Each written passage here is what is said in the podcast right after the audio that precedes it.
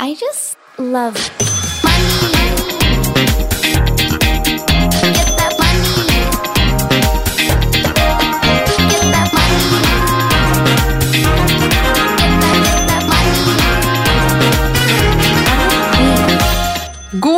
sammen, og velkommen til en ny episode av Karrierekvinne podcast. I dag så har jeg med meg en fantastisk gjest. Hun er 40 and fabulous. Hun er tobarnsmor, og hun skal knuse network marketing-myter. Gi oss hvilepuls og inspirere oss med alt det fantastiske hun har opplevd og gjort i løpet av eh, livet sitt. Den dama her hun inspirerer og motiverer meg på så ufattelig mange måter, og jeg har en tendens til å gråte hver gang hun åpner kjeften sin, og det har jeg en liten følelse på at jeg kommer til å gjøre i dag også. Så um, jeg håper dere har lyst til å være med, enten dere driver med network marketing eller ikke. Uansett, det er mye å lære i dagens episode. Velkommen til Karrierekvinne podcast, Renate! Woo! Tusen takk! Er det første gang? ja! Jeg er så kry! Og som jeg sa, jeg bare føler meg som en eh, ja, førsteklassing som klarte å finne fram til klasserommet sitt. Jeg kalte deg jo bestemor Eggen. Granny. Ja, fy søren. Jeg er litt granny. sånn pantertanter, da. Eh, De fleiper litt med meg, de gjengen min som jeg jobber sammen med. Nå kommer Granny. Ranny. Ja, men herregud, Hvor gammel er du egentlig? Jeg er 40. 40, ja. Herregud, 40. Du ser jo ut som at du kunne vært 22. liksom. Det er urettferdig. ass. Nå, ja. Takk.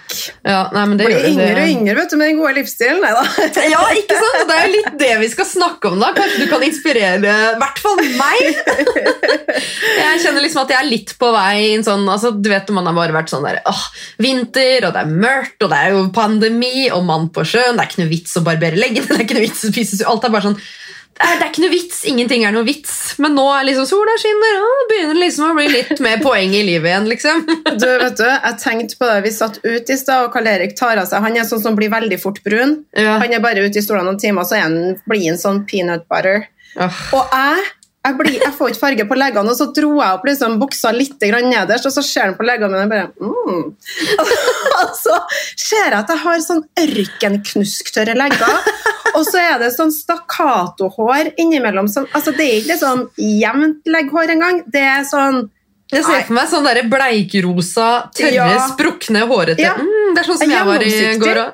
Ja, deilig. Sånn var jeg i går òg. Og så bare barberte jeg meg, og i dag så skal jeg bare ta sånn selvbruning og body lotion, legge meg ut i badekaret. Mm.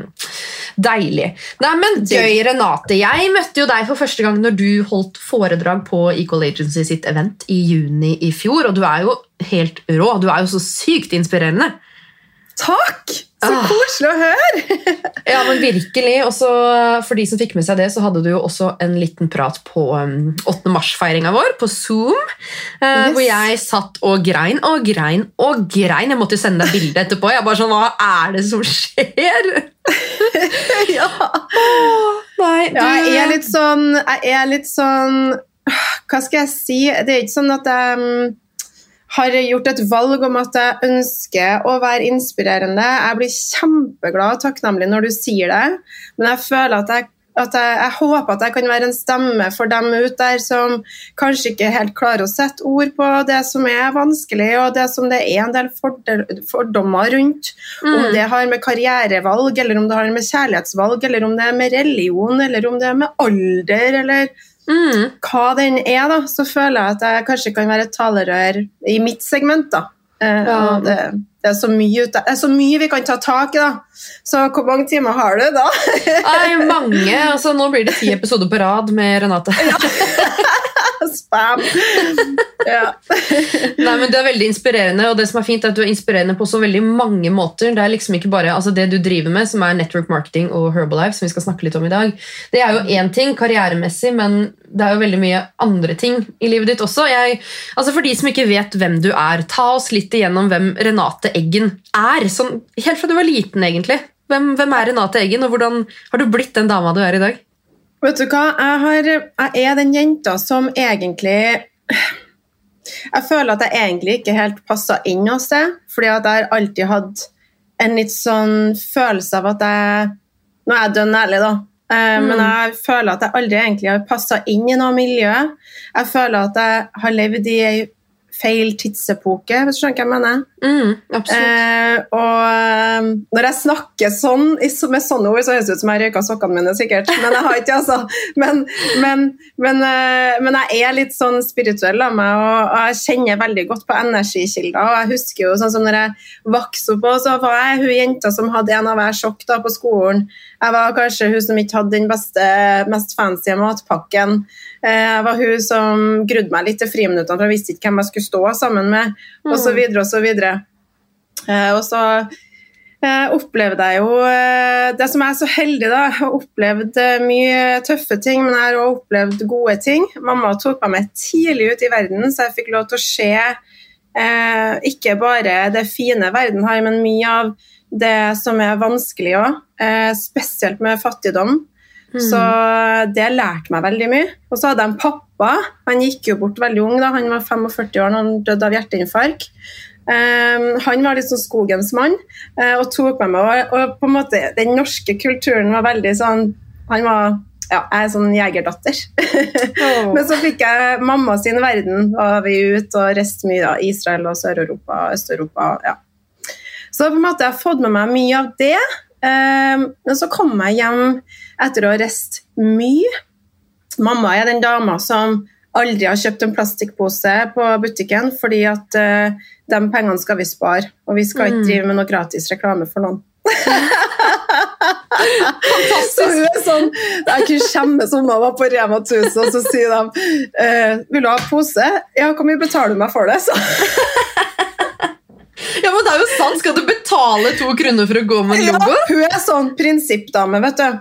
Herregud. Eh, og jeg flirer jo, for hun er jo bare nydelig. Hun hadde, hun hadde vært en fantastisk flink som business-influencer. Sånn, jeg skal Ja. ikke ha noe spons! Jeg skal Ja, ikke ja. Altså, og hun er sånn veldig sånn eh, alltid sagt til meg Hun har båret meg på en gullstol alltid, altså sånn gjennom livet og sagt at du fortjener det beste alltid, Renate. Du kan bli hva du vil i Mm. livet. Eh, og, så, og så jeg bestemte jo meg tidlig for at jeg, hadde, jeg skulle jo bli eh, daglig dronning i mitt eget liv. Og jeg skulle ut og reise i verden. Jeg skulle jobbe for FN. eh, og jeg skulle eh, hjelpe så mange mennesker jeg overhodet klarte. Og det, det husker jeg at jeg tenkte da var jeg sånn, Det var før jeg hadde begynt på skolen. til og med. Ja, men du har jo en liten sånn spesiell historie som kanskje fikk deg på det sporet. Vil du dele den? Den husker i hvert fall jeg veldig godt. Ja, fra da vi reiste til Bulgaria. Mm. Ja, det, jeg husker vi, jeg og mamma reiste til Bulgaria bare som en sånn ferietur første gangen.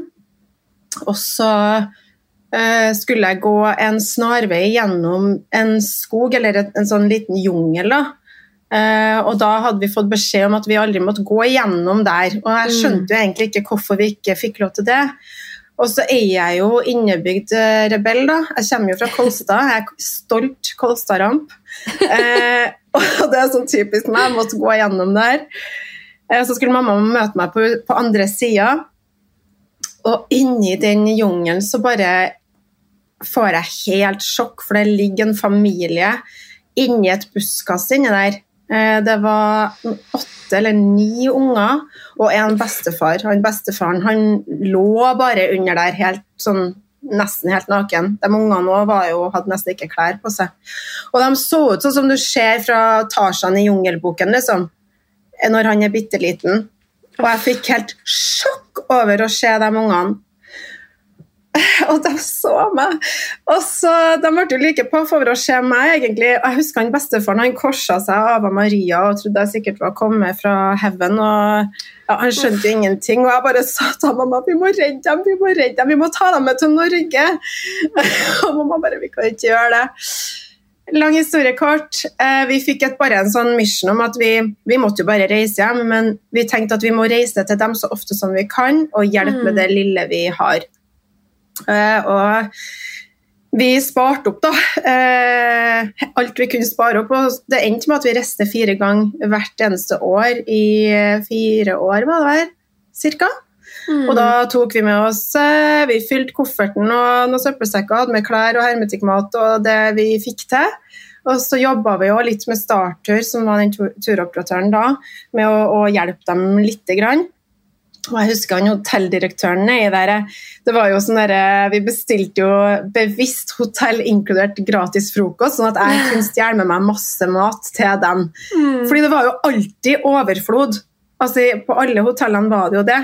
Mm. Eh, men den eh, siste turen vi hadde, så kom jeg ned dit, og så var hele jungelen pløyd. Og jeg sto her og var helt sjokkert. Så sier jeg til mamma at hvor er de hen? Hva har skjedd? Og så springer vi ned til starterkontoret, og så sier det, står hun der og så Renate, de, måtte, de skal bygge et sånn luksushotell der nå, og du vet, sigøynere de har jo ikke stemmerett. Mm. Og da tenkte jeg, fy søren, vi lever i overflod, og så her er det andre mennesker som, som skal være nødt til å lide fordi at vi er så forfengelige, på en måte. Mm. Eh, og alle de turene vi har hatt nedover, husk på, vi har jo aldri kunnet kommunisere, de skjønte jo ikke engelsk, og jeg skjønte jo ikke hva de sa, for de snakket jo sitt språk. Eh, og jeg husker den siste turen så hadde jeg lovt hun jenta at for hver gang det kom et fly over himmelen, så pekte jeg på det, og at jeg må reise. Og da skjønte hun, og da husker jeg at hun dro i meg sånn aldri ferdig fra meg. Ja, bare Så den, den skuffelsen var så stor når jeg kom ned dit, fordi at jeg lovte at jeg skulle komme tilbake igjen. Og det var så heavy for meg. Da var jo jeg eh, 16 år, da. Å, jeg griner. Og da sa jeg til mamma jeg klarer ikke, dette her er siste turen vi reiser ned, for jeg klarer ikke å, jeg klarer ikke å på en måte leve med meg selv. Jeg klarer ikke å Og så skjer det et mirakel. Jeg går og henger med hodet de neste dagene, for de er jo bare borte. Mm. Og så ser jeg hun, jeg kalte henne for Stardust, hun jenta. Stjerneskudd. stjerneskudd. Men de hadde jo ikke navn heller. Tenk deg det, de hadde ikke navn. De hadde ikke eh, fødselsnummer. Nei. De Bare nummer én, to, eksisterte tre, liksom fire Og han bestefaren fikk jeg jo høre at kroppen hans ble jo bare kasta på dynga. Nei. Eh, men eh, så får jeg hun eh, resepsjonisten til å være tolk, for jeg ser hun Stardust på andre sida av veien. Og jeg springer imot henne. Jeg bare trodde ikke Og så står hun der, og så og så får jeg hun tolken, eller hun resepsjonisten til å være med, så hun kunne være tolk da, og oversette. Um, fordi at jeg skjønte jo at det her er urgency. Jeg, jeg, kan, jeg får, ikke, får ikke holdt det her så lenge. Men da fikk jeg vite at, at familien var spredt, og de var på og Søsknene hennes var forsvunnet. Og hun skulle være med en bil, og jeg skjønner ikke hvorfor hun skulle være med en bil, for hun var kanskje sånn 12-13 år, kanskje.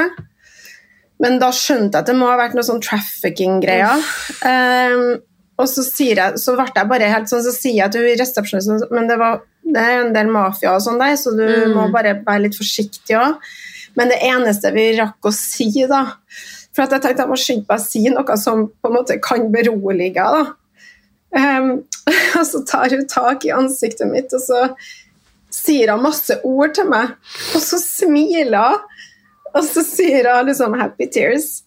Happy tears, sier hun på engelsk. da. Og jeg bare Shit, hun har lært seg engelsk. Og så sier hun tolken at hun ber deg om å reise tilbake til Norge og leve det beste livet du kan gjøre på hennes vegne. Og så må hver gang hun legger seg om natta og lukker øynene, så skal hun drømme seg til deg og ditt liv i Norge. Så du må gjøre henne stolt og gjøre så godt du kan. Det er nesten sånn at hun skjønte at jeg revna innvendig. Og det kunne jo endt med at hvis jeg kanskje hadde et Vi har jo alle et psykologisk immunforsvar. Mm. Karl Erik sier til meg hele tida at du må ha forståelse for dem som har psykiske utfordringer, fordi at de har et kanskje svakere immunforsvar. Du har et veldig sterkt et, Renate, og det må du ivareta og på en måte reflektere over. Og, når, og det skjønner jeg jo nå. Hun bygde mitt psykologiske immunforsvar i det øyeblikket, for jeg kunne ha kommet hjem og blitt deprimert og Mm. blitt sånn der, Jeg vil ikke leve i Vi, vi har sånne ilandsproblemer. Skjønner du hva jeg mener? Ja, ja, ja. Men så fikk hun meg til Det ble et sånn mindskift der da når jeg kom hjem. Du ser vi ser hverandre på videoen, og begge bare tuter igjen. Jeg hørte den historien her før, og jeg bare åh. Jeg tror det setter sånn ekstra preg på meg, for du vet kanskje ikke det, men vi har hatt um, leilighet i Bulgaria siden 2006.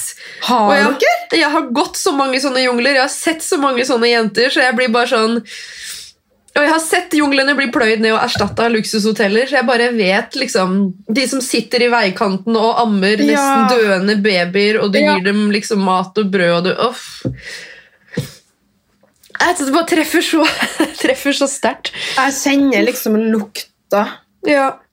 til og med av uh, den varmen og det Varme ja. og container og bare Ja. Ja. Åh, grusomt. Nei, så, så det jeg tar med meg videre, er jo at på mine, jeg har jo ikke, altså Det er jo ikke sånn at livet mitt er et glansbilde hver eneste dag, men på de mørkeste dagene så er, er det hun Stardust som kommer og tar meg i nakken og bare Uff. I'm watching you. Ja, herregud. Mm. Da var du Hvor gammel sa du? 16? Ja, jeg var 14 eh, fordi at jeg husker den siste reisa vi hadde, så eh, skjedde det mye crazy greier. Vi ble frastjålet pass, og vi ble med en taxisjåfør åtte timer inn til Sofia. Han hadde revolver i hanskerommet, og det var skikkelig action. Velkommen sånn til Bulgaria. det hadde vært crazy. Og så jeg og mamma bare Vi tar en tur til Israel, så reiste vi innom Jerusalem og Betlehem, og inni den kirka skjedde crazy ting òg. Vi har sikkert ikke tida til det nå, men det var jeg tror jeg var Jeg tror jeg faktisk den siste turen vår var jeg 15-16, ja. Mm, Mm. mellom der en plass. Herregud, men da har jo det altså en av mange historier som har prega deg da, til å bli det fantastiske mennesket du er. Å, takk. Ja, virkelig. Åh, men uh, Ja. Jeg blir helt eh, flau, jeg. Nei, eller blyg. takk, Benedicte. Eh, Nei, det må du ikke bli. at du sier det. Uff, herregud. Har- jeg er jo helt, jeg har jo girl crush i deg. Ja, jeg har på deg og jeg så det. jeg er på deg, og jeg sitter bare og griner hver gang du åpner kjeften. Jeg bare, jeg kan ikke snakke mer med hun. Jeg trodde ikke jeg skulle sitte her og gråte i min egen potte. men bare here I am. Oh, Men det er noe med det, da. Og, og, um, fordi jeg har jo to gutter nå, Adrian og Julian, som Mamma kan jo lage en toast, mamma kan jo ditt, mamma kan jo datt. Eh, og Karl Erik sa det her en dag, tenkte jeg hvis Adrian noen gang hadde fått vært med deg og sett det du har opplevd, liksom. Mm. Det er jo ikke at Adrian ikke setter pris på det han har, han gjør jo det.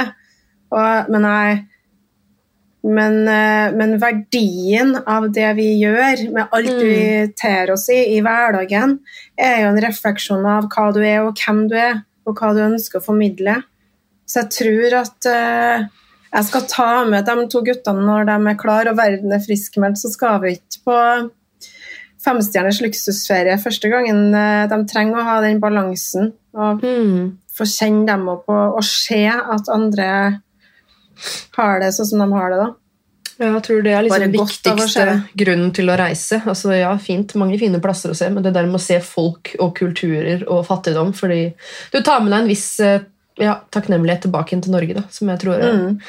veldig viktig. Men, eh, Mm. uff, men ok, mange ting som, som har prega deg. Nå sitter jeg her og spytter inn i min egen mikk. der er jo på en måte starten, da. Men så har jeg jo alltid vært eh, litt sånn Jeg kaller meg sjøl jeg er som poteten. Jeg kan brukes til alt, eh, Mm. føler jeg. Eller ikke alt, da, men til det meste. Jeg sånn som, når jeg har fått meg en jobb, så har jeg gått litt lei etter to år.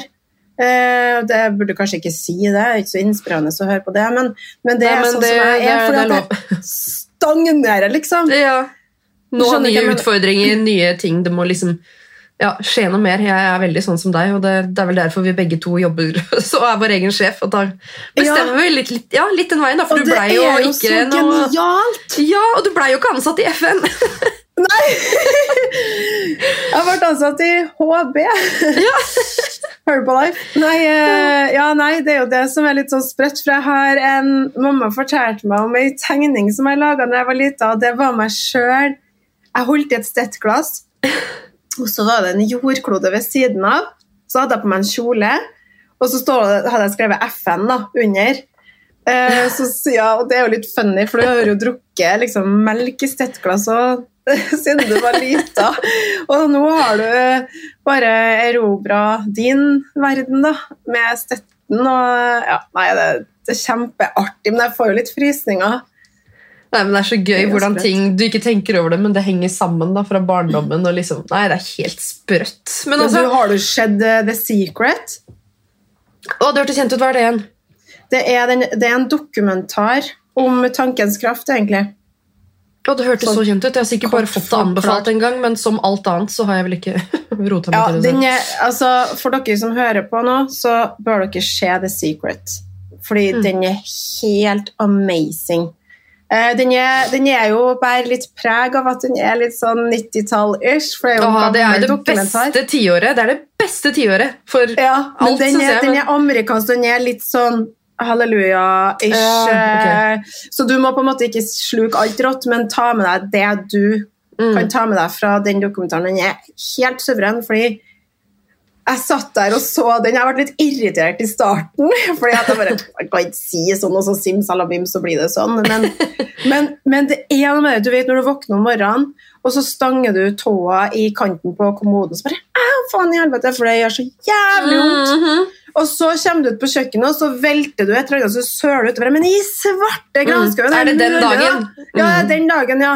Og så går du egentlig og har den der irritasjonen. Da, så Åh, jeg hadde det litt sånn i dag. on edge! Ja, ja. Og så Bare forplanter det seg bare prøv- trøbbel utover hele dagen. Mm. Og bare, hva gir du meg? Mm.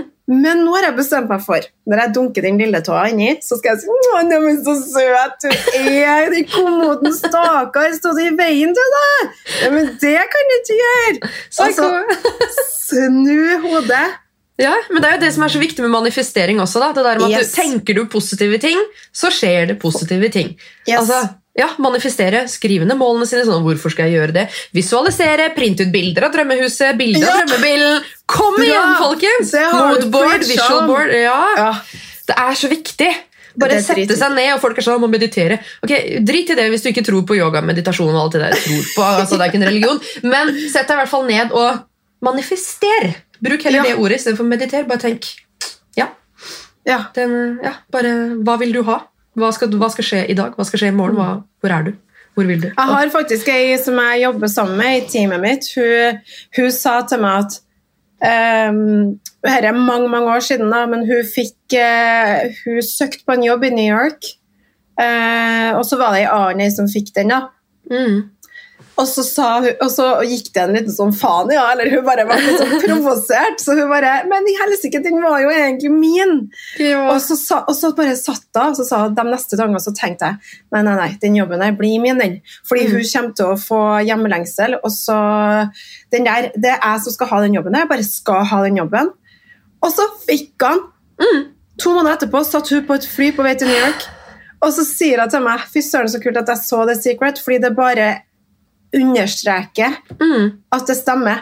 Ikke nok med det, jeg har det på Jeg er telefonen ikke her som ser meg, men hun sendte meg melding etter den filmen, så begynte jeg å tenke på, på at åh, det hadde vært litt digg å ha enda litt mer eh, cashflow i forhold Mm. til familien, da, som kan gagne familien. Så får jeg to meldinger. Da har Altså På samme kvelden Mannen hennes har vunnet i oddsen. Det var ikke mye, det var et par tusen, kanskje. Og hun fikk et gavekort på Ikea. Til, og hun bare Hva er det som skjer? Hun screenshot har sendt meg Renate! Ja, men det er ikke tull, altså. Det fungerer. Ja! Ja, men det er helt sykt. altså, mamma har sagt det til meg sånn, typ, de siste fem-seks åra. Sånn, hvordan får du til alt? Og jeg bare sånn, sånn Helt seriøst. Det er fordi jeg bare Jeg skal få det til! Det er ikke snakk om noe annet. Ja. Det skal bli mitt. Jeg skal få det til. Jeg skal ha den jobben. Jeg skal, ja, men, ja, men du får det, det, det har aldri skjedd at du ikke får det til. Jeg bare, ja, men jeg har bestemt meg, liksom, og da, da kommer Ja. det. Ja, men det, det er det flere som Det er jo faktisk et levende bevis på i, i eh, den organisasjonen, eller eh, det, det firmaet jeg jobber for òg. Mm. Eh, fordi jeg ble kåra til nummer én på rekruttering i Norden. Og det det er så mange som sier det, fordi når du jobber på en måte som jeg gjør, da, så skal det ikke være mulig å få inn så mye folk på én gang. Men greia var at jeg var bare så fremoverlent og positiv og hadde bare bestemt meg. Mm. Og jeg har ikke sittet hjemme og fila neglene, liksom. Og bare så har folk ramla i fanget på meg. Jeg har jo måttet ha delt genuint Mm. fra sjela mi. Og det har, må ha vært liksom, Det må jo være content, det du deler, men du Mm. må ha lidenskap i det du gjør. 100%. Du kan ikke jobbe på autopilot for noen andre og jobbe ræva av deg for noen andres sin visjon. Du Mm-mm. skjønner? Den må du skape ja, ja, men det også, hvis du blir uinspirert og demotivert av å jobbe for en sjef, da, en annen sitt firma eller et stort konsern som du bare Mm. har liksom, Du har bare en liten maur, og ingen bryr seg liksom, om du blir påkjørt i morgen. altså det er fælt å si, Men sånn er det jo hvis du jobber for store, kjempestore. altså ja.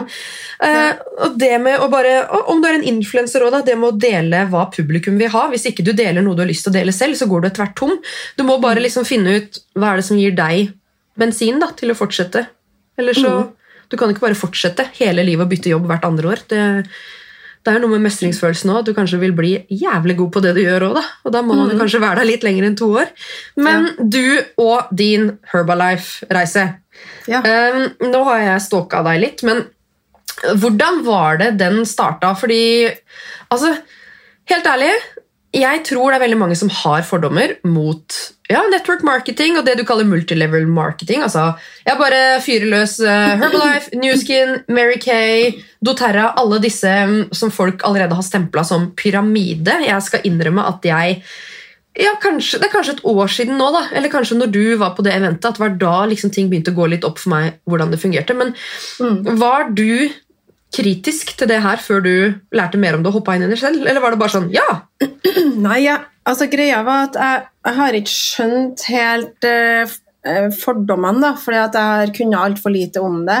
Mm. Og ting som jeg ikke kan så mye om, det er ikke jeg kritisk til. Da må jeg på en måte være kildekritisk. Så Mm. jeg hadde egentlig ikke noe dekning for å være kritisk, og sånn er jo jeg.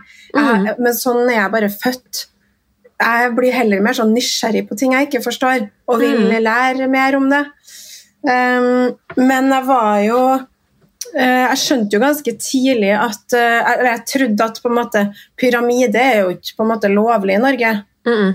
Og pyramide, hva legger du i ordet pyramide? Fordi hvis du, hvis du skal se på hvordan en pyramide er bygd opp, så er jo egentlig alle firmaer det. Du har mm. Mm. Rema-Reitan på toppen, og så har du alle butikkene hans, og så har du alle ansatte, og så har du vaskehjelper, og så har du altså Hvis du Mm. skal sette opp sånn. Det er akkurat akkurat samme med Apple Absolutt. eller firmaer, store firmaer. Eh, men så har du eh, Jeg skjønte jo ikke egentlig Men jeg er litt naiv da, og litt sånn blåøyd, kanskje. For jeg tenker jo at når jeg liker noe, så liker alle det. Ja. Så når, altså barnslig, sånn sett. Men kanskje òg det var smart av meg å være det. fordi hvis jeg skulle ha gått og tenkt sånn Å, her er skikkelig shady. Det her er sånn pyramidespill, og det er egentlig ulovlig. Men så begynte jeg jo å stille de spørsmålene da, som er naturlig å spørre. Fordi at jeg sa til Karl Erik, men hva sier jeg til folk som tror seriøst at det er det, liksom? Mm. Og så sier han jo, men vi er jo en del av eh, Direktesalgsforbundet, som et eksempel. Vi er, altså Mattilsynet godkjenner jo alle produktene som kommer inn, Mm. for eksempel. Da. Jeg bare, ja, ok, det, da, bra, notert. Eh, så vi er jo, vi betaler skatt, eh, vi betaler moms, eh, vi gjør alt det her. Eh, så da skjønte jeg at ah, ja, men da er det faktisk ikke noe skummelt. Og så spurte jeg videre igjen, men hva er egentlig, hva mener egentlig folk med eh, pyramide i negativt Mm. forstand? da? Og så fikk jeg vite at det folk mener med pyramide, er jo egentlig at vi tjener penger på å rekruttere andre. Mm. Men vi, vi tjener ikke penger på å rekruttere andre. Sånn som Hvis du hadde blitt medlem i mitt team, så hadde ikke jeg tjent penger på at du hadde fått medlemspakken. Sant? Mm. Så det er jo det som er den store forskjellen. Da. Men jeg har jo grossistfortjeneste av det andre handler for, men det har jo alle andre som driver business og selger produkter, Mm. uansett hva man gjør. Så det er egentlig ikke noe mer eh, Men hadde du altså Du sier det at du kanskje ikke hadde nok informasjon til å være kritisk. Um, et veldig godt eksempel på det altså Vi i Equal Agency vi har jo nå som du vet, et eh, network marketing-medlemskap hvor eh, tre fantastiske damer um, lærer rett og slett bort litt sånn do's and don'ts og ja, eh, kurser dem litt da, i network marketing. Og det som kanskje har skremt meg litt med hele det opplegget her, er vel folk som bare ramler inn i innboksen din og sier 'Hei, du så ut som en veldig inspirerende og fin dame'. 'Du hadde fin og fresh hud, og vil du ha enda freshere hud? Vil du ha enda mer energi? Jeg har produkter for deg.' Jeg bare, 'Du vet ikke hvem jeg er. Ikke kom her og si at du så alt det der fra profilbildet mitt. Fuck off.' Skjønner du? Ja, ja. Altså, De DM-ene der Jeg har vært veldig eksponert for de, altså på Facebook, på Instagram. Jeg har til og med fått de på Tice og LinkedIn. Så blir jeg bare sånn Wow! Du blir, jeg, det lukter litt sånn desperasjon av veldig mange, og det er der fordømmene mine kanskje kommer inn. Um, har du liksom sittet i den situasjonen hvor du har blitt bomba med sånne ting før du blei en del av Herbalife selv? Uh, ja, men ikke av eh, MLM-selskap, men andre, dis, altså andre aktører. Yeah. Som eh, altså companies, da. Jeg skal ikke si noen navn, for jeg vil ikke hete hate på noen, fordi jeg er veldig på universet der. Mm. Eh, men jeg har jo firmaer som bare 'Å, vi digger profilen din, har lyst til å være ambassadør for oss', bla, bla, Ja. ukeblad, alt det der. Og det er jo like mye spam, syns jeg. Mm. Eh, så jeg syns ikke at man egentlig skal si at å, det er bare de som driver med MLM. De er, driver med mye rare ting. Og så er det litt sånn, ja, vet du hva. Jeg har kollegaer jeg òg som eh, har kanskje De starter, og så blir de super Å, jeg skal bli rik i neste uke. Ja, ja. sånn det fungerer. sant? Og jeg må bare... Og så er de ute der og høsler som bare det, men de høsler på feil måte. Mm. Og det har jo blitt òg litt sånn min mission i min jobb i Herbalife, at jeg har lyst til å eh, lære folket mitt til å være smart i markedsføringa si. Mm. Jeg har lyst til at vi skal opptre etisk korrekt i markedet vårt og bring value to the marketplace. Og du, du tar ikke med deg noe verdi når du skal bombardere folk som at du bare har tatt en copy-paste og bare smelt ut til 500 Mm. Skjønner du? Det er akkurat det det liksom lukter. på en måte. Ja, men jeg, jeg har fått det. Jeg har jo fått det av folk eh, som driver med MLM, Mm. som har sendt det til meg nå etter at du ser i bioen min at jeg er Ja. Herbalife-distributør. Så bare Hey, let's connect! Skal vi skal ikke bare finne en vibe sammen, du og jeg, og så skal jeg hjelpe? Og bare Oh my god, nei! og det må jeg jo ærlig innrømme å si at jeg blir jo litt sånn svett av sånne ting. Men så Kom her, blir jeg jenta mi, jeg sånn- skal lære deg. Eh, men jeg har en sosiale medier-Facebook-gruppe eh, hvor jeg hele tida legger inn Hei, folkens, sjekke det her. Nå, nå har jeg gjort sånn istedenfor sånn. Det er litt sånn Mm. do's and don'ts, da. Mm. Eh, og, og prøv å være litt, ha litt takt og tone. Og, ja. Så det, og det har funka kjempebra. Så, men jeg kan jo ikke snakke på vegne av de andre konkurrerende Nei, nei, nei. eh, firmaene rundt der, men eh, ja. Men når du sier at du har gjort det bra, det er jo en grunn til at du holdt foredrag på eventet vårt. Fortell litt hvor bra det har gått. Nei, altså Det er jo det, da. Eh, når du legger ned timene, så gir det avkastning. Mm. Og bare som en digresjon til den, de andre jobbene jeg har stått i Jeg må få lov til å være så ærlig, men jeg var daglig leder for eh, ganske kjent eh, kleskjede for noen år siden. Og jeg husker når jeg oppsummerte alle timene jeg hadde jobba en måned, Mm. så tjente skolehjelpa mi mer enn meg. Ja, ikke sant? Fordi hun kom jo på jobb og gjorde akkurat det hun skulle gjøre, mens jeg Mm. hadde jo faen meg 350 arbeidstimer den måneden. Mm. Og så hadde jeg fastlønn. Mm. Og så grudde jeg meg til å be om avspasering, for det vet jeg jo at det, måtte jo, det var jo ikke på mine premisser, det. Da fikk jeg det hvis jeg var heldig, liksom. Mm. Eh, og den bonusen som jeg skulle få, den kom nå aldri heller, fordi at eh, Ja. Ja. Men, eh, men jeg ser jo nå, når jeg legger ned de timene Fy søren, så godt det er å jobbe ræva av seg sjøl for seg sjøl! Yes! Skjønner du hva jeg mener? Ja, fy faen. Fordi da- ja. Da, jeg får leamus i tommelen bare jeg snakker om det. Tommelen vil på jobb. Men det er så deilig Åh, Det er så deilig å bare si opp jobben sin, og så er man litt sånn i begynnelsen så er man bare livredd. Man tenker fy faen, det her går til helvete. Jeg må krype Ja. tilbake igjen til sjefen. Faen, faen, faen. Og så har det gått tre måneder, og så har du tjent inn hele årslønna di. Jeg bare sånn, «Ah!» Det er helt sinnssykt. Ah. Altså, folkens, bare sett på gasspedalen og bare aldri slipp foten av gasspedalen. Eh, fordi jeg har jo nå Jeg deler jo 50-50 med guttene og barnefaren.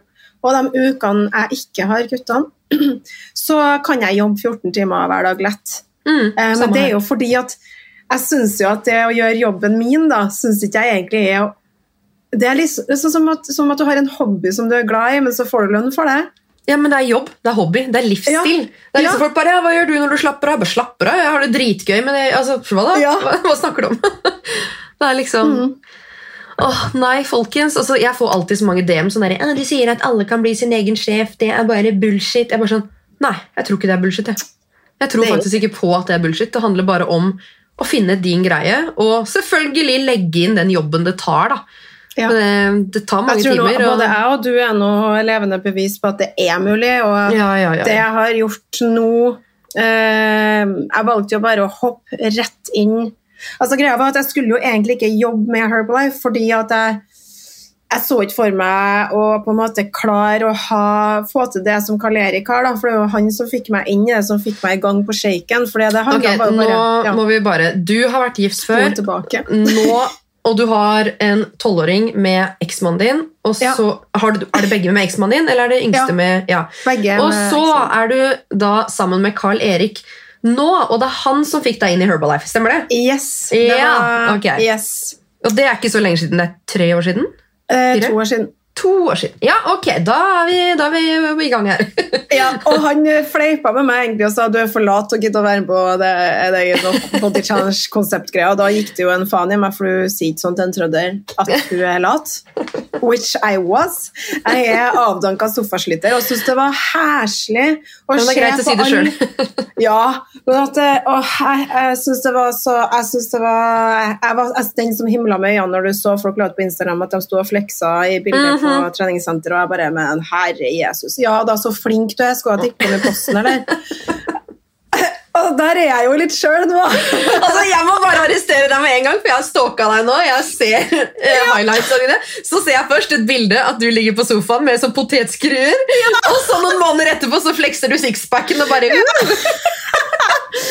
Og det var så, Hva faen skulle skjedd med mammamagen? Jo, men du vet de siste kiloene som irriterte meg så gæli, fordi at jeg var litt sånn Jeg prøvde jo å Åh, De siste kiloene, eh, mammakiloene, så tenkte jeg, vet du hva My body is a temple. Og så var det litt sånn Jo, men mammakroppen, vi skal nå verdsette den som den er. Mm. Eh, og bare være glad for det. For jeg trodde at ungene seriøst hadde ommøblert noe i magen som gjorde at hele tarmsystemet bare var tok plass. ja, de, Ja. det hadde liksom gått litt utover. og så plutselig kunne jeg begynne å ha T-skjorta ned i buksa, og det syntes jeg var litt kult. da. Og så kjente ikke jeg valken lenger bak på ryggen på BH-en, for jeg trodde sånn, jeg har liksom for stram BH. Men det hadde jo ikke så mye med BH-en å gjøre. Så jeg driver med sånn mange sånne excuses, og jeg vet at vi skal ikke liksom shame mammakroppen. Jeg gjør jo ikke det, men, men for meg, da, jeg kan bare snakke for meg sjøl, så var det dere å, å få hodet på stell. Eh, Mm. Fordi at eh, jeg klarte å bli en bedre mamma fordi at jeg hadde bedre energi og overskudd. Og så var Mm. det på en måte en positiv konsekvens av det var at kroppen ble litt tightere. Så, Ja, vi snakka litt om det sånn eh, off record i stad. Det her med hvor heftig da, det er å få et barn, hvor lite tid det er til deg selv. At en tur på Rema 1000 det blir liksom shoppingmekka. Det er Ja. liksom som å være på Sten og Strøm med 500 000 kroner og bare ha. Altså, Alt Ja. er bare sånn Alenetid, oh, oh, hva skal jeg handle? Altså, Jeg svei av 5000 på Rema 1000 på to timer. Hva faen? Jeg går inn en tur til, jeg, for jeg fikk litt tid. planter, magasiner, og her er det jo bare alt!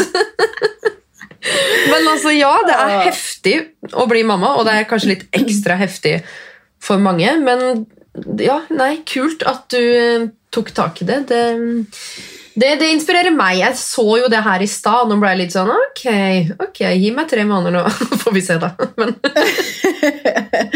Jo, men Men ja. greia er jo at det handler jo bare om å, om å Du skal gjøre det her ukomplisert, og du skal gjøre det her på dine premisser. Jeg tror det er der veldig mange feiler. da, At man, åh, man skal inn i det prosjektet.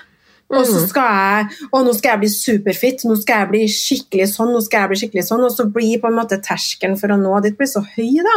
mm, Og så kjenner du på kanskje en skuffelse, for det er jo ikke oppnåelig å bli sånn som hun du følger på Instagram, eller hun som du gjør ser sånn og sånn og sånn. Du mm. må se på deg sjøl og se på deg sjøl i speilet, og det er det som er det du skal Som du konkurrerer mot, da.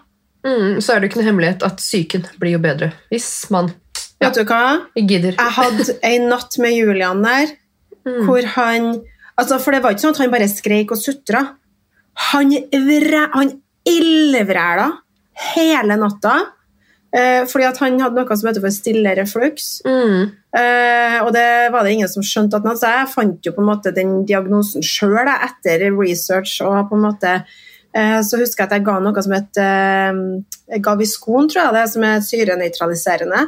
Ble Mm. bra på dagen. Fy faen. Takk Og for da hjelpa, Norge. jeg Norge. venta i fire måneder for å komme inn til spesialist. Og så er det typ 30% av alle barn som har det. eller noe. Bare sånn, hallo, kan vi lære mer jeg, om det? jeg, jeg, jeg hadde mellom sånn 38 og 45 oppvåkninger om natta. Jeg sov i to timer til sammen en hel natt. Mm. Så du husker den derre planten? eh, Forbanna planten. Du snakker om den jævla planten som ikke får vann. Hva med hun her? Altså, jeg var så skakkjørt jeg, at det var en natt der hvor jeg trodde at vet du, enten så hiver jeg meg sjøl i elva, eller så ryker den ungen her nå, fordi at nå Mm. klikker jeg. Jeg klarer ikke mer. Mm. Og så kunne jeg møte en nabo da, dagen etterpå. 'Å, så søt baby, hva skal det med dere?' Jeg vil 'Ikke snakke til meg her på dør!' Oh, oh. Fuck you! Nei, shit, ass. Det er ikke alle som har den derre den derre kjærlighet ved første blikk og den derre 'Å, alt er så bra, og jeg har sovet, baby', ja, har du det, du? Altså, så, Ja, å, det er så forskjell på folk, og det må vi bare altså Det er så viktig å snakke om. Ja. Og det at fødselsdepresjon kommer i forskjellig grad. Fødselsdepresjon er ikke bare det at du ikke har lyst til å se på ungen din, eller at du trenger fire måneder inn på Lier. holdt jeg på å si. Det er liksom, ja, det er Mm. komplekst, og det ja.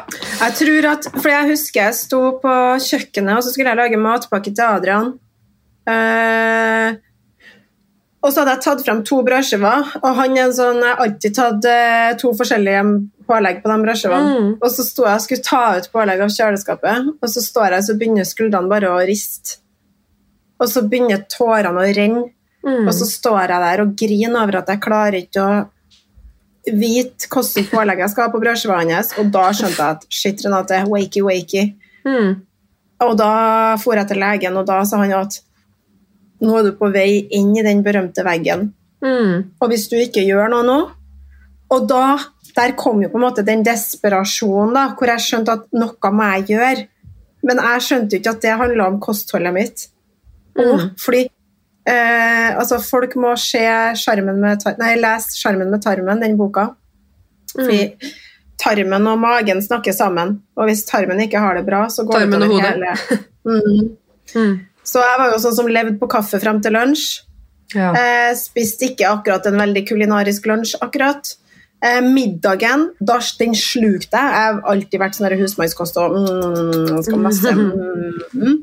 Og så kom kvelden, og da stupte jeg enten i seng med guttene eh, og ikke spiste noe, eller så måtte jeg kose meg.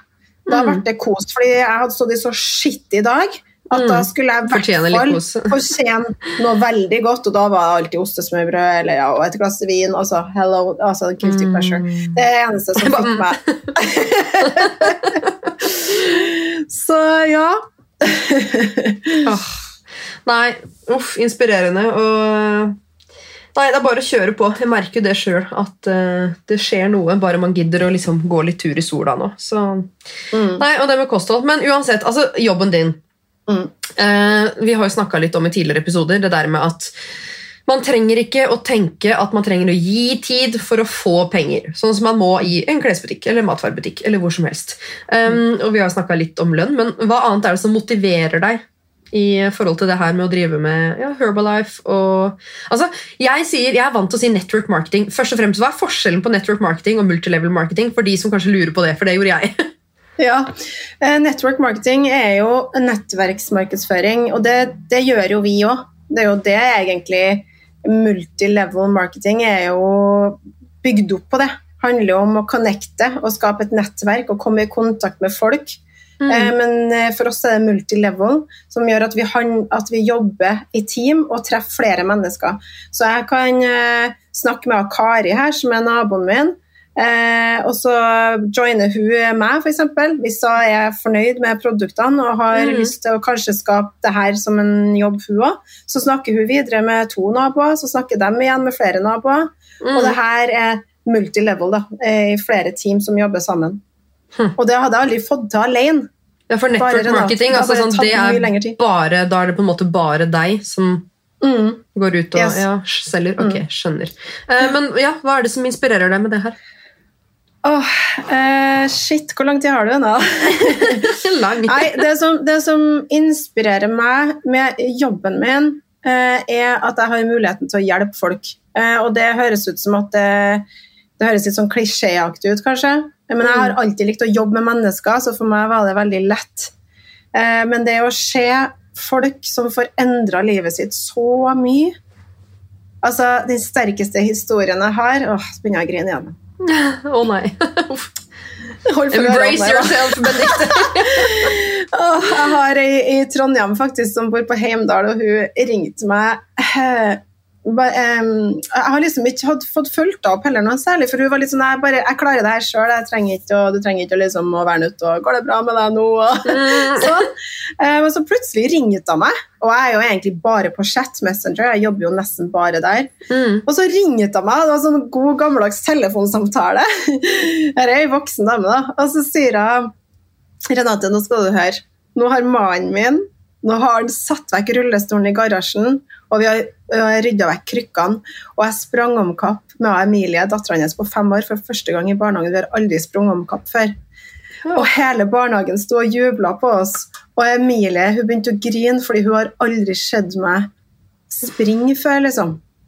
Og da kjente jeg at fy flate, uansett hvor mye negativitet jeg får fordi den jobben jeg gjør Jeg har klart å hjelpe ett menneske til en bedre hverdag, og da skiter jeg i alle dem som har så mye negative tanker om det, for det preller bare av meg, fordi den historien er så sterk. Vet du hva, Benedikte? Jeg får sånne meldinger hver dag. Jeg har 300 mennesker under meg som jeg har fått i gang med å få en bedre livsstil. Og det er helt sinnssykt at jeg kan få lønn for å hjelpe andre på den måten der. Og så er det dette med at jeg, at jeg kan stå opp om morgenen og egentlig ha, den der hvilepulsen som jeg alltid har ønska meg. Fordi at Før så var jeg så stressa for at jeg måtte logge inn på jobb, jeg måtte være der, og sjefen min var alltid sur hvis jeg Gud forby, for jeg har vært en litt sånn kvart over-person. og så stressa og sitte i kø i bilen og bare ah. Og jeg tror at stress er ikke bra for mennesker in general. Jeg tror det er med på å ja, gi oss ting som ikke er bra. Ja, for En ting er jo den der at du, at du føler deg litt stressa der og da. En annen ting er jo forhøyna kortisol, fett rundt magen, mister Ja. hår, slitent hjerte. Ikke Ja. sant? Det er ikke bare hjertedunket du kjenner hvis du er litt forsinka. Det er mer enn det. Ja, og så, og så skjer jo forskning nå i forhold til at det er linka til autoimmune sykdommer. Så, mm. altså, tenk over hvor mange som har ME, f.eks. Mm. Så mange mennesker. Det, altså, det er helt sinnssykt. Og jeg tror jeg er veldig mye linka til stress. Så det at jeg nå kjenner på at jeg har senka skuldre i hverdagen Jeg, jeg, jeg henter Julian når jeg vil, egentlig. Eh, og vi har ikke noe vi må rekke, bortsett fra Adrian med fotballtreninga. Mm. Eh, og at han skal på skolen, selvfølgelig. Men ellers så har jeg hvilepuls, og jeg er helt overbevist om Ah. Siden jeg har en bedre jobbhverdag nå, så Mm. lever jeg lenger sammen med guttene mine. Ja. Så du skjønner at jobben jeg har, den betyr så mye fordi at jeg mista jo faren min Husk på, han var 45 år når han døde. Mm. Det er meg om fem år, det. ja, det har sikkert Tenk deg prega du er deg. som 45-åring, da. Han var jo så ung. Og han var en veldig aktiv mann. Han hadde sixpack, eh, men han hadde elendig kosthold. Så det Mm. hjelper ikke å være dritfitt på utsida hvis du er innfeit. Mm -mm. Nei. rett ut som det. Ja, men det, er, det der er så sant. Det er så sant. Altså, altså, Mm. Bare det at større mennesker de kan være kjempesunne. Ja, ja, ja. Du kan ikke se på en person om de er sunne eller ikke. Det er, det er ja. Jeg ser det på, Vi har jo den berømte Tanita-skanneren nå. Uh, og jeg har jo ei som er, hun er stor, men hun har jo, du ser jo på målingene at hun har mye mer muskelmasse Mm. kontra fett, f.eks. Og hun er sånn big boned Mm. dame, så jeg blir irritert over folk som altså, har tanker om ting, fordi at Mm. det henger ikke på greip. Mm. Så um, ja. Er Og vi er nå bare forskjellige, herlighet. Vi, er, ja. vi har med oss genetikk, og vi har med oss eh, ja, alt mulig som spiller inn. Så Men når det kommer til motivasjon, da, så er det vel en blanding av de historiene du får. Herregud, det må være så givende. Eh, altså Jeg også, som coach i det jeg gjør, får også mye historier, men ikke på, ikke på den der livsendrende helsenivået som du gjør. Jeg kan bare se for meg hvor godt det føles. da. Og det du sier med faren din. Det er jo en stor motivasjon i det også. Men mm. Eh, litt sånn for å um, gi litt verdi da, til de som lytter. Um, nå har vi snakka litt om det her med fordommer. Hva er du, hva er det du har hørt selv om eh, det du driver med? Siden du sa at du kanskje ikke har forstått eller fått de samme fordommene på lik linje som jeg. Da, men hva er det du selv har hørt fra folk du kjenner, eller ja, som har Nei, meninger om det du gjør? Jeg har jo jeg har jo sånn sånn Mamma var jo litt sånn redd. Det pulveret der. og, og jeg sier jo til mamma ja, men Og da husker jeg sa til mamma ja, men hva er det folk eh, plukker fra tacohyllene og Toro-suppene og alt Ja, det ja. med pulver? Altså, Ja. Hva er det vi gir nyfødte barn når du ikke klarer å amme sjøl? Det er pulver, det er jo finmalt pulver. Så, Ja. så den er et last year. Vi må, den er vi ferdig med nå. Mm. Uh, men det som er litt sånn snodig, at jeg personlig har ikke fått så mye sånne skeptiske, negative ting, faktisk. Det er mest egentlig dem jeg hører det fra andre kollegaer. Det Mm. kan jo være at de som kommer langs min vei, tør ikke å være ærlig med meg. De, de, de, de har ikke Men jeg er jo veldig sånn Når noen sier til meg bare Å, herregud, har du vært på sånn halleluja-møte nå? For det er jo noen sagt, da. Jeg bare ja, ja, ja, nå er jeg helskrubba, så nå ser jeg klokkeklart, liksom. Så jeg avvæpner jo dem med å på en måte bekrefte det de Ja, ja. de sier jo litt sånne ting. Eh, og ja, det syns jeg bare Jeg flirer litt av det. For jeg tror at folk er skeptiske fordi de egentlig ikke har kunnskap. Eh, jeg tror det er der det egentlig ligger. Så jeg Mm. Flirer jo jeg mest av det. ja, og da prøver jeg jo bare å, å på en måte forklare dem det. Og så er det jo eh, Folk syns det er litt kontroversielt, da. At vi Mm. skal tjene penger på at andre At andre Sånn som vi driver med ernæring, da. Men jeg tenker jo Jeg sa det til ei venninne av meg, hun er sykepleier. Så sier jeg du hadde jo ikke dratt på jobb som sykepleier gratis, du heller. Du må få betalt Mm. regningene dine. Du Mm. redder liv på den måten du redder liv. Jeg sier ikke at jeg redder liv, jeg bare hjelper andre til en bedre hverdag. Eh, Men det er jo dem sjøl som tar det ja, ja. valget. Ja, ja, ja. Men, eh, ja. Det er jo ingen som eh, jobber gratis. Nei, det er ingen av oss som jobber på det- dugnad, liksom. Nei, nei, nei, det må folk slutte å, slutte å tro. Ja. Det har jeg snakka med så mange episoder. Vi jobber ikke gratis! Uansett hvor teit yrke du syns var det. Altså, vi jobber ikke gratis. Men jeg syns det er så bra, den derre 'People's opinion never paid my bills'. Ja. Mm. Eh, og den er så bra. Eh, så jeg, for dere som sitter og hører på nå, uansett hva dere eh, velger å gjøre, eh, hvilken forretning dere skal inn på, men har dere noen rundt dere som setter på bremsene, så bare prove them wrong, for vet dere hva? Mm. Det som har vært den største inspirasjonen min for å lykkes Husk på nå I år har jeg nesten 40% lønnsøkning. Jeg tjener så bra som jeg aldri noen gang har gjort før. Eh, og det er noen ting jeg er veldig stolt over. Og det er jo derfor jeg har blitt mer sånn pitcher mer businessen nå. fordi at vi damer vi kan faen meg få det til, vi òg. Mm. Det er ikke sånn at, eh, at det er It's a man's world og at det er bare dem som skal gønne på. Vi òg får til det, hvis ikke enda bedre, vil jeg si. Mhm. Fordi faen meg multitaskere, så Yes. det holder etter. Uh, ja, nå snakker jeg meg helt bort hva jeg skulle si med det. Um, Du snakka om eh, hvem som inspirerer deg. Var det det du ja, eh, og det er faktisk eh, dem som ikke trodde på meg. Ja. Det er så Fordi at- bensin på bålet. Ja, fordi at-! Fordi at dem som heier på meg, er dem som gir meg et smil om munnen når jeg legger meg. Jeg Mm. legger meg hver kveld med et smil om munnen. Jeg sover alltid godt om natta, og det har jeg for fra dag én. Mm. Jeg kan aldri gjøre den forretningen her hvis jeg ikke sover godt. Så Nei. alle valgene jeg tar, de påvirker hvordan jeg har det inni meg. Så jeg må alltid jobbe med hjertet først. Jeg Mm. kan aldri ta kyniske valg. Jeg må fjerne prinsippene mine, jeg må jekke meg ned. Jeg kan ikke sitte på min høye hest og tro at jeg er verdens beste og kan alt. Jeg kan egentlig ingenting. Jeg bare gjør det jeg føler for. Mm. Men når jeg våkner om morgenen, så har jeg òg et smil om munnen. Men det kommer fra dem som ikke trodde på meg. Mm. Fordi de som sa til meg å, du bygger bare et luftslott her, jeg kommer aldri til å funke. ja, ja, ja. For det var trust me, de var der, de òg. Men de Jeg tror så, på deg. de er så store. De er eh, ja, tre centimeter høy. Noen ganger så tenker jeg på den så bare sånn Åh, så irriterende det må være for deg at jeg fortsatt er her. Liksom sånn at jeg Jeg skal ingen plass! Hvis jeg leser et eller annet sånn der dritt eller jodel eller kvinneguide eller kommentarfelt, så bare sånn Så kjipt for deg at jeg ikke gir meg. Ja, Det var veldig ja. kjipt for deg. Det er så deilig.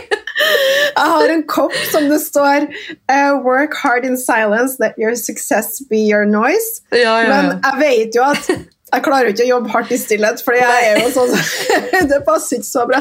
Men jeg skjønner budskapet. Men det er så kult at vet du, når de er negative, så ikke gi dem negativitet tilbake igjen. Mm -mm. Fordi at jeg tenker, jeg har jo også folk, om det er konkurrerende bedrifter, eller om det er bare haters, eller om det er Mm. folk som ikke har noe hobby, men den også liv, men ikke har noe hobby, eh, så tenker jeg at, vet du hva, tenk at du har tida til å bruke så mye tid på meg, Ja. og si så mye negativt om det jeg holder på med. Jeg skjønner jo at du ikke har rock'n'roll-business, fordi du sitter jo bare og fokuserer på andre negative ting. Mm. Sant? Er du med meg? Ja, det er What you helt give is what you get. Så ut der, altså share the secret, folkens. Nei, det er helt sykt. Det er bare sånn Å, herregud, så god tid du har til å beundre meg! Ja. Så artig! Hvor får du all den tida fra? Jeg skulle gjerne ha tid til å beundre deg òg. Så Ja, deilig å svare sånn. Ja, men det er, jo, det er jo spesielt mammapolitiet, og det er jo like fascinerende at de eksisterer enda. Jeg skjønner ikke. Nei, men De er det jo rett og slett bare synd på. De burde jo kanskje ja, fått seg en time hos noen Det er et helt eget eh, kapittel. Å, herregud. Men ok, til de som skal inn da og drive med network marketing, multilevel marketing um, Do's and don'ts, der tenker jeg du er god. Vi har jo allerede snakka litt om hva som kanskje kan være don'ts. Det der med hello på, ja, på noen måter. Eh, Men eh, litt sånn do's and don'ts. What to do? det- Ja, jeg synes at det er, at det er veldig viktig at du setter deg inn i faktisk eh, Fordi hvert eneste firma har jo en eller annen form for eh, et etisk reglement. Mm. Og det er det altfor mange, fordi det står kanskje med liten tekst. Det gjør jo egentlig ikke det. Men det er så viktig at du ikke skumleser gjennom det, men at du faktisk tar deg sjøl seriøst. Fordi på den måten så blir du oppfatta seriøst. Men Mm. hvis du driver med useriøse ting eh, Nå skal jeg ikke si noen eksempler på det, men litt det som, det som egentlig Benedicte snakker om her, med å bare helt ukritisk slenge ut masse greier, det er egentlig med på å, å degradere det vi holder på med. Mm. Eh, Det er mye bedre sånn som Nå har jo jeg vært så Jeg er så takknemlig for at det har kommet så mange min vei og banker på døra mi, men det tror jeg er fordi at jeg, jeg markedsfører jobben min på en smart måte. Jeg er ikke sånn in your face med alt hele tida, Mm. men jeg deler egentlig bare hva det er jeg er glad i. Så jeg deler den følelsen produktet gir meg, istedenfor å fronte produktet. Mm. Hvis du skjønner, hvis det gir Ja, ja, ja. Mm. Eh, og hvis du er veldig sånn ja, men jeg er ikke så god på å dele eh, livsstilen min, jeg vil dele produktet, da bør du ha kanskje en egen konto som er på en måte firmakontoen din, da, sånn at folk ikke føler seg spamma i hjel. For det var jo litt det var jo det som kanskje ikke var feilen min, men jeg har jo lært mye på det. Jeg òg er jo rookie. Jeg starta jo helt grønn og skjønte jo kanskje etter hvert at jeg må jo ta vare på kjernekunden min. Jeg må ta vare på framtidige kundene, ikke bare eksisterende. Um, og det, det er en hårfin balansegang. Uh, men sett dere inn i det, det reglementet er i hvert fall veldig viktig. Fordi du skal ikke gå ut der og si at hvis du drikker det pulveret her, eller bruker den kremen her, så kommer du til å se ut som Madonna i morgen, liksom. Mm. Fordi at vi kan ikke gå ut og si sånne ting som faktisk ikke stemmer med virkeligheten. Vi må være Det er veldig mye unge også som følger oss, da. Mm. Bare som et eksempel. Barn. Så vi må, vi må verne om det. Jeg har jo vært innom FIM, for å si det sånn. Mm. Jeg ble jo meldt inn til FIM. Hæ, har du vært det? Ja! Jeg ble meldt inn til FIM fordi at jeg er med på å skape kroppspress. Uh, Det her er altså litt... altså fagutvalget for influensemarkedsføring. Altså bare sånn at alle ja. ja. Og det visste jo ikke jeg heller. Hva var, vet du, så når de ringte meg, var så søt hun dama da. Hun bare 'Hei, jeg ringer fra FIM, og du har blitt meldt inn.' Jeg bare 'Hæ?' Jeg trodde, jeg trodde, jeg, jeg, trodde det var sånn skjult kamera, vet du. Du Ja, ja. For jeg jobber så mye med å jobbe etisk korrekt, da. I forhold til det. Og hun bare Ja. Nei, så så det ligger jo, I rapporten ligger jo der hva hun dama hun skrev jo at, du, at Renate kamuflerer Herbalife-livsstilen, og så får hun oss andre mammaer til å føle oss dårlig fordi vi ikke drikker shake. ja, da har vi tross alt mammapoliti da, som bare har vært og meldt deg inn. Men da Ja. ligger du sikkert under eh, vedtak. Da Da står du ikke felt i film, sikkert. Ja, ikke sant? Jeg pleier Ja. faktisk å gå inn der og lese en del, men det, det, var der er godt huske. da. Jo, men greia var jo at jeg ble jo skikkelig lei meg, for jeg, jeg tar jo til meg ting. Mm. Så jeg tenkte liksom Gud, hva var det her? Hvordan har det gått seg til? liksom? Eh, så det var jo, Dette var jo rett før jul, og jeg var ordentlig lei meg. Eh, og tenkte hva kan jeg gjøre annerledes for å rette opp i det bildet? Men så fikk jeg jo bekrefta av hun da, fra Film, for hun bare Du kan sove godt om natta, det, er bare at vi må gå Mm. gjennom alle klager når sånne ting skjer. Eh, og så sier jeg at eh, Og så fikk jeg bare en så fin tekst fra Film da, hvor de egentlig understreker at kontoen min tvert imot, den fremma egentlig god, Mm. sunn og aktiv livsstil. Og da ble det sånn Å, takk. Ja. Det er liksom sånn bare 'approved by Finn-stempel. Ja, det var egentlig en seier for uh, ikke bare meg sjøl, men Herbalife Nutrition òg. Fordi Mm. altså, ingen er jo perfekt i Herbalife heller. Vi, eller generelt MLM, så er det jo kanskje noen som eh, gjør noe brølere. Men det betyr jo ikke at jeg kan legge meg ned eller så, Sånn som Erna, da. Hun kan jo ikke legge ned staten fordi at Giske tråkker i salaten. Nei, Altså, nei. som et eksempel. Altså, vi har noen lensmannskontor opp gjennom Trøndelagen som mm -hmm, Skjønner du? -hmm. Vi mhm. kan jo ikke Altså, vi må jo bare Ja, ja, ja. ja, ja. altså, Hjula må På rulle. 80-tallet så satt ikke ungene i bilbeltet, men vi lærer jo Mm. hele tida, liksom. Vi, vi utvikler oss. Mm. Ja, men akkurat det du sier der er så viktig, sånn på tvers av bransjer og hva man driver med også. Eh, Mm. Det der med å ikke Uh, ikke boikotte ting for alltid. La folk få ha muligheten til å gjøre en endring. Jeg har jo gjort influensesamarbeid med bedrifter hvor liksom Hvordan i helvete kan du samarbeide med de du som har de og de og de verdiene? Vet du hva de gjorde på 70-tallet? Og så er jeg bare Å, herregud, shit, jeg må si fra meg det her. Og, og så tenker jeg i ettertid så blir jeg sånn Hvis de gjorde en feil for 40-50 år siden, og de har Ja. retta opp i den feilen, hvorfor skal de svi for det i 2020, liksom? Da kan du spørre den personen har du Telenor. Ja, ikke sant? Mm. Husker du hva som skjedde med Telenor? ja, ja, ja, ja. Korrupsjon er Skal vi slutte å altså, ja. Har du Telenor? Drikker du cola? Spiser du Ja. Kellogg's? Altså, er du perfekt? Lista er lang. Ja. Mhm. Ja, nei, så det er riktig det der. Det du sier med, ja, både det med å ikke boikotte og bare la hjula rulle videre, og det med at én enkel kommentar skal ikke endre hva du gjør som brand eller i business, eller noe, fordi det er mest sannsynlig bare en hater som er misunnelig, og som har deg som hobby. Ja.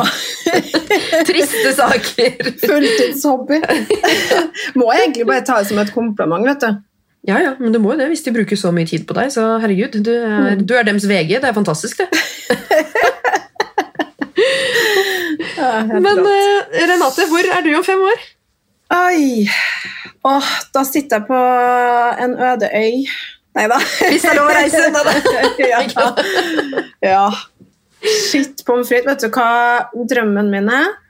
Mm. Drømmen min er egentlig å bare ha såpass stor økonomisk frihet at jeg egentlig kan være med dem jeg vil, når jeg vil.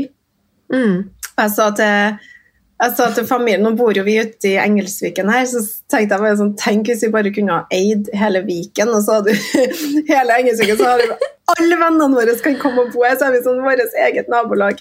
Neida, det er jo litt utopi å tro det, det er en fin tanke. Men, eh, men om fem år, da har vi i hvert fall eh, Greia er jo at jeg føler at jeg har alt jeg trenger i livet nå, Mm, og så er resten bare bonus. mm, Men drømmen min, sånn forretningsmessig, det er å um, å, ha, å være den i Herbalife Nutrition som har skapt mest eh, good vibes og tatt eh, det med inn i firmaet, og som får folk til å glemme fordommene. mm. Det er den største drømmen jeg har. Og jeg håper at om fem år så har jeg kanskje naila det. Og hva kan man gjøre for å komme dit? Hvis du snakker nå til de som driver med det samme, litt sånn tilbake til do's and don'ts, men hva, hva må man gjøre for å få hele, hele bransjen da, til å samarbeide om ryktet? Jeg tror det er kjempeviktig at man deler med fornuft.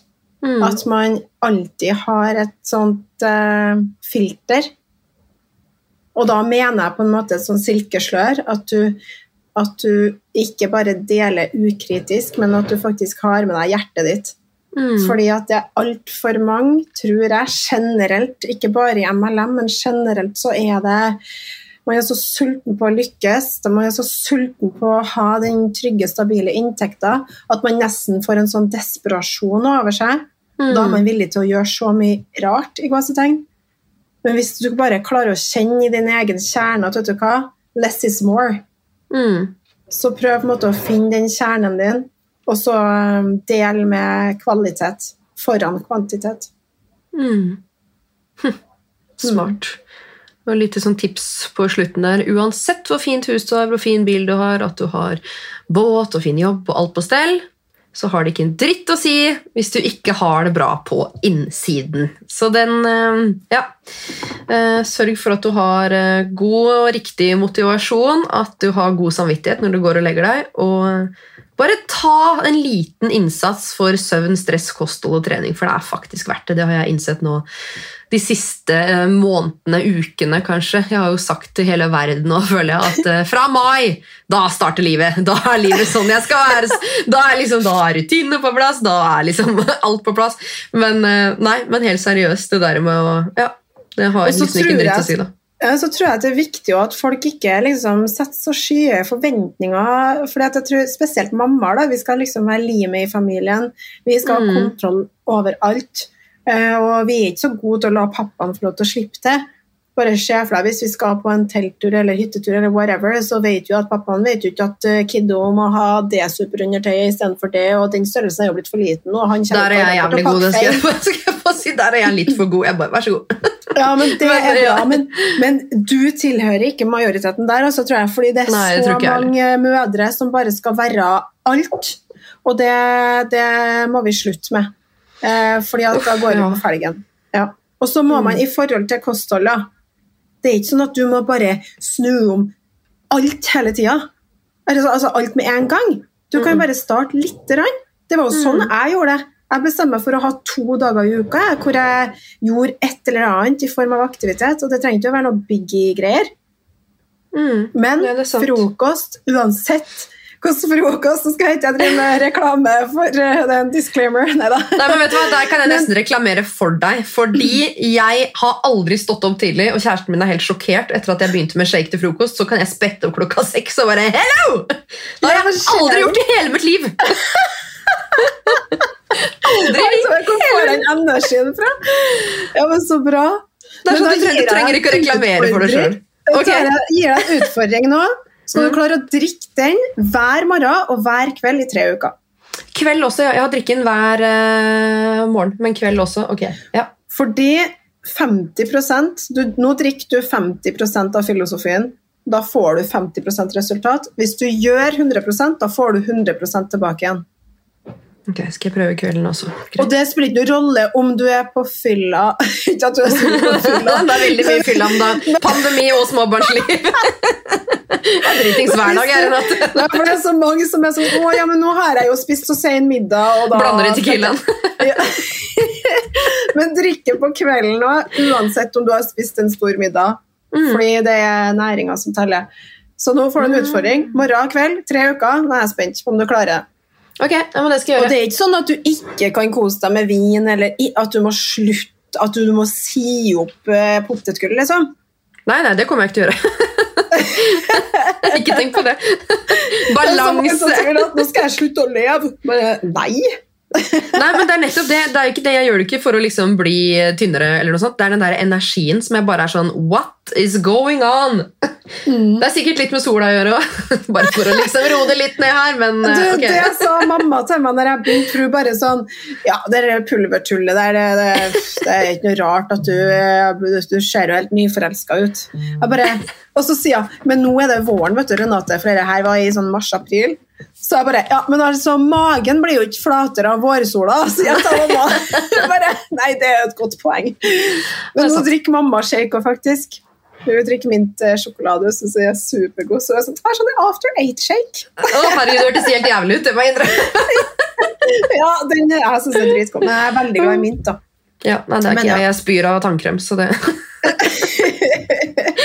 Men herregud, jeg trenger påfyll, forresten. Men uh, tusen takk, Renate, for at du kom. Herregud, Vi har snakka i 1 time og 10 minutter. Det er lengste Shit. episoden hittil. Shit. Åh, så digg å skravle med deg, bli bedre kjent med deg. Og du har gitt mye verdi til de som er i den bransjen her, som jeg tror er veldig viktig å ha med seg. Ha hjertet med seg i egentlig hvilken som helst jobb man gjør. Mm. Det tror jeg er viktig.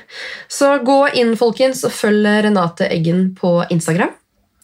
Eh, Så må dere selvfølgelig følge Equal Agency, Benedicte Haugård NO og Karrierekvinner. Det er alltid en sånn derre liste! Og bare sånn på tampen, gå inn og abonner og gi oss en stjerne! Det er liksom the pod of marketing. holdt jeg på å si nå. Det er bare Uff a meg. Men tusen takk. Du er rå, altså. Du er Det er du også. Herregud. Åh, og nei, takk for eh, peptalk og inspirasjon og full rulle. Så skal vi se om jeg klarer denne tre Challenge. ukers eh, challengen. Da sier vi fram til 17. mai, da. Sånn ish. Du, tusen takk for tilliten, kjære du. Of course. Herregud, du er jo Nå ble the du litt one. hakka, nå datt du bort her. Ja, nei, det er litt eh, typisk. ja, det er typisk når man eh, spiller inn og det er pandemi. Vi kan ikke være i studio. Men jeg håper folk uh, takler lyden og har fått med seg alle den fine verdien du har gitt i dag, Renate. Så får du ha en fantastisk fin kveld videre i sola. Det er pils på verandaen. Eller shake. jeg skal ta meg pils. Eller begge deler. Mm, blande. Avslutte med shake alltid. Men jeg tåler også å ta en liten snert òg. Nei da. Nei, men så bra. vet du. Kan ikke uh, tame me. Nei, vært borti mange av dem. Nei, men uh, Tusen takk for at dere lyttet, folkens, og ha en fantastisk fin uke videre. Ha det bra! Tusen takk. Ha det, gjengen. Ha det! I just love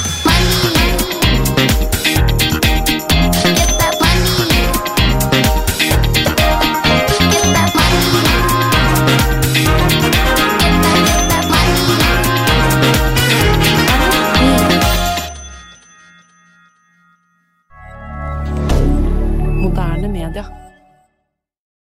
Har du et enkeltpersonforetak eller en liten bedrift? Da er du sikkert lei av å høre meg snakke om hvor enkelt det er med kvitteringer og bilag i fiken, så vi eh, gir oss her, vi. Fordi vi liker enkelt. Fiken superenkelt regnskap.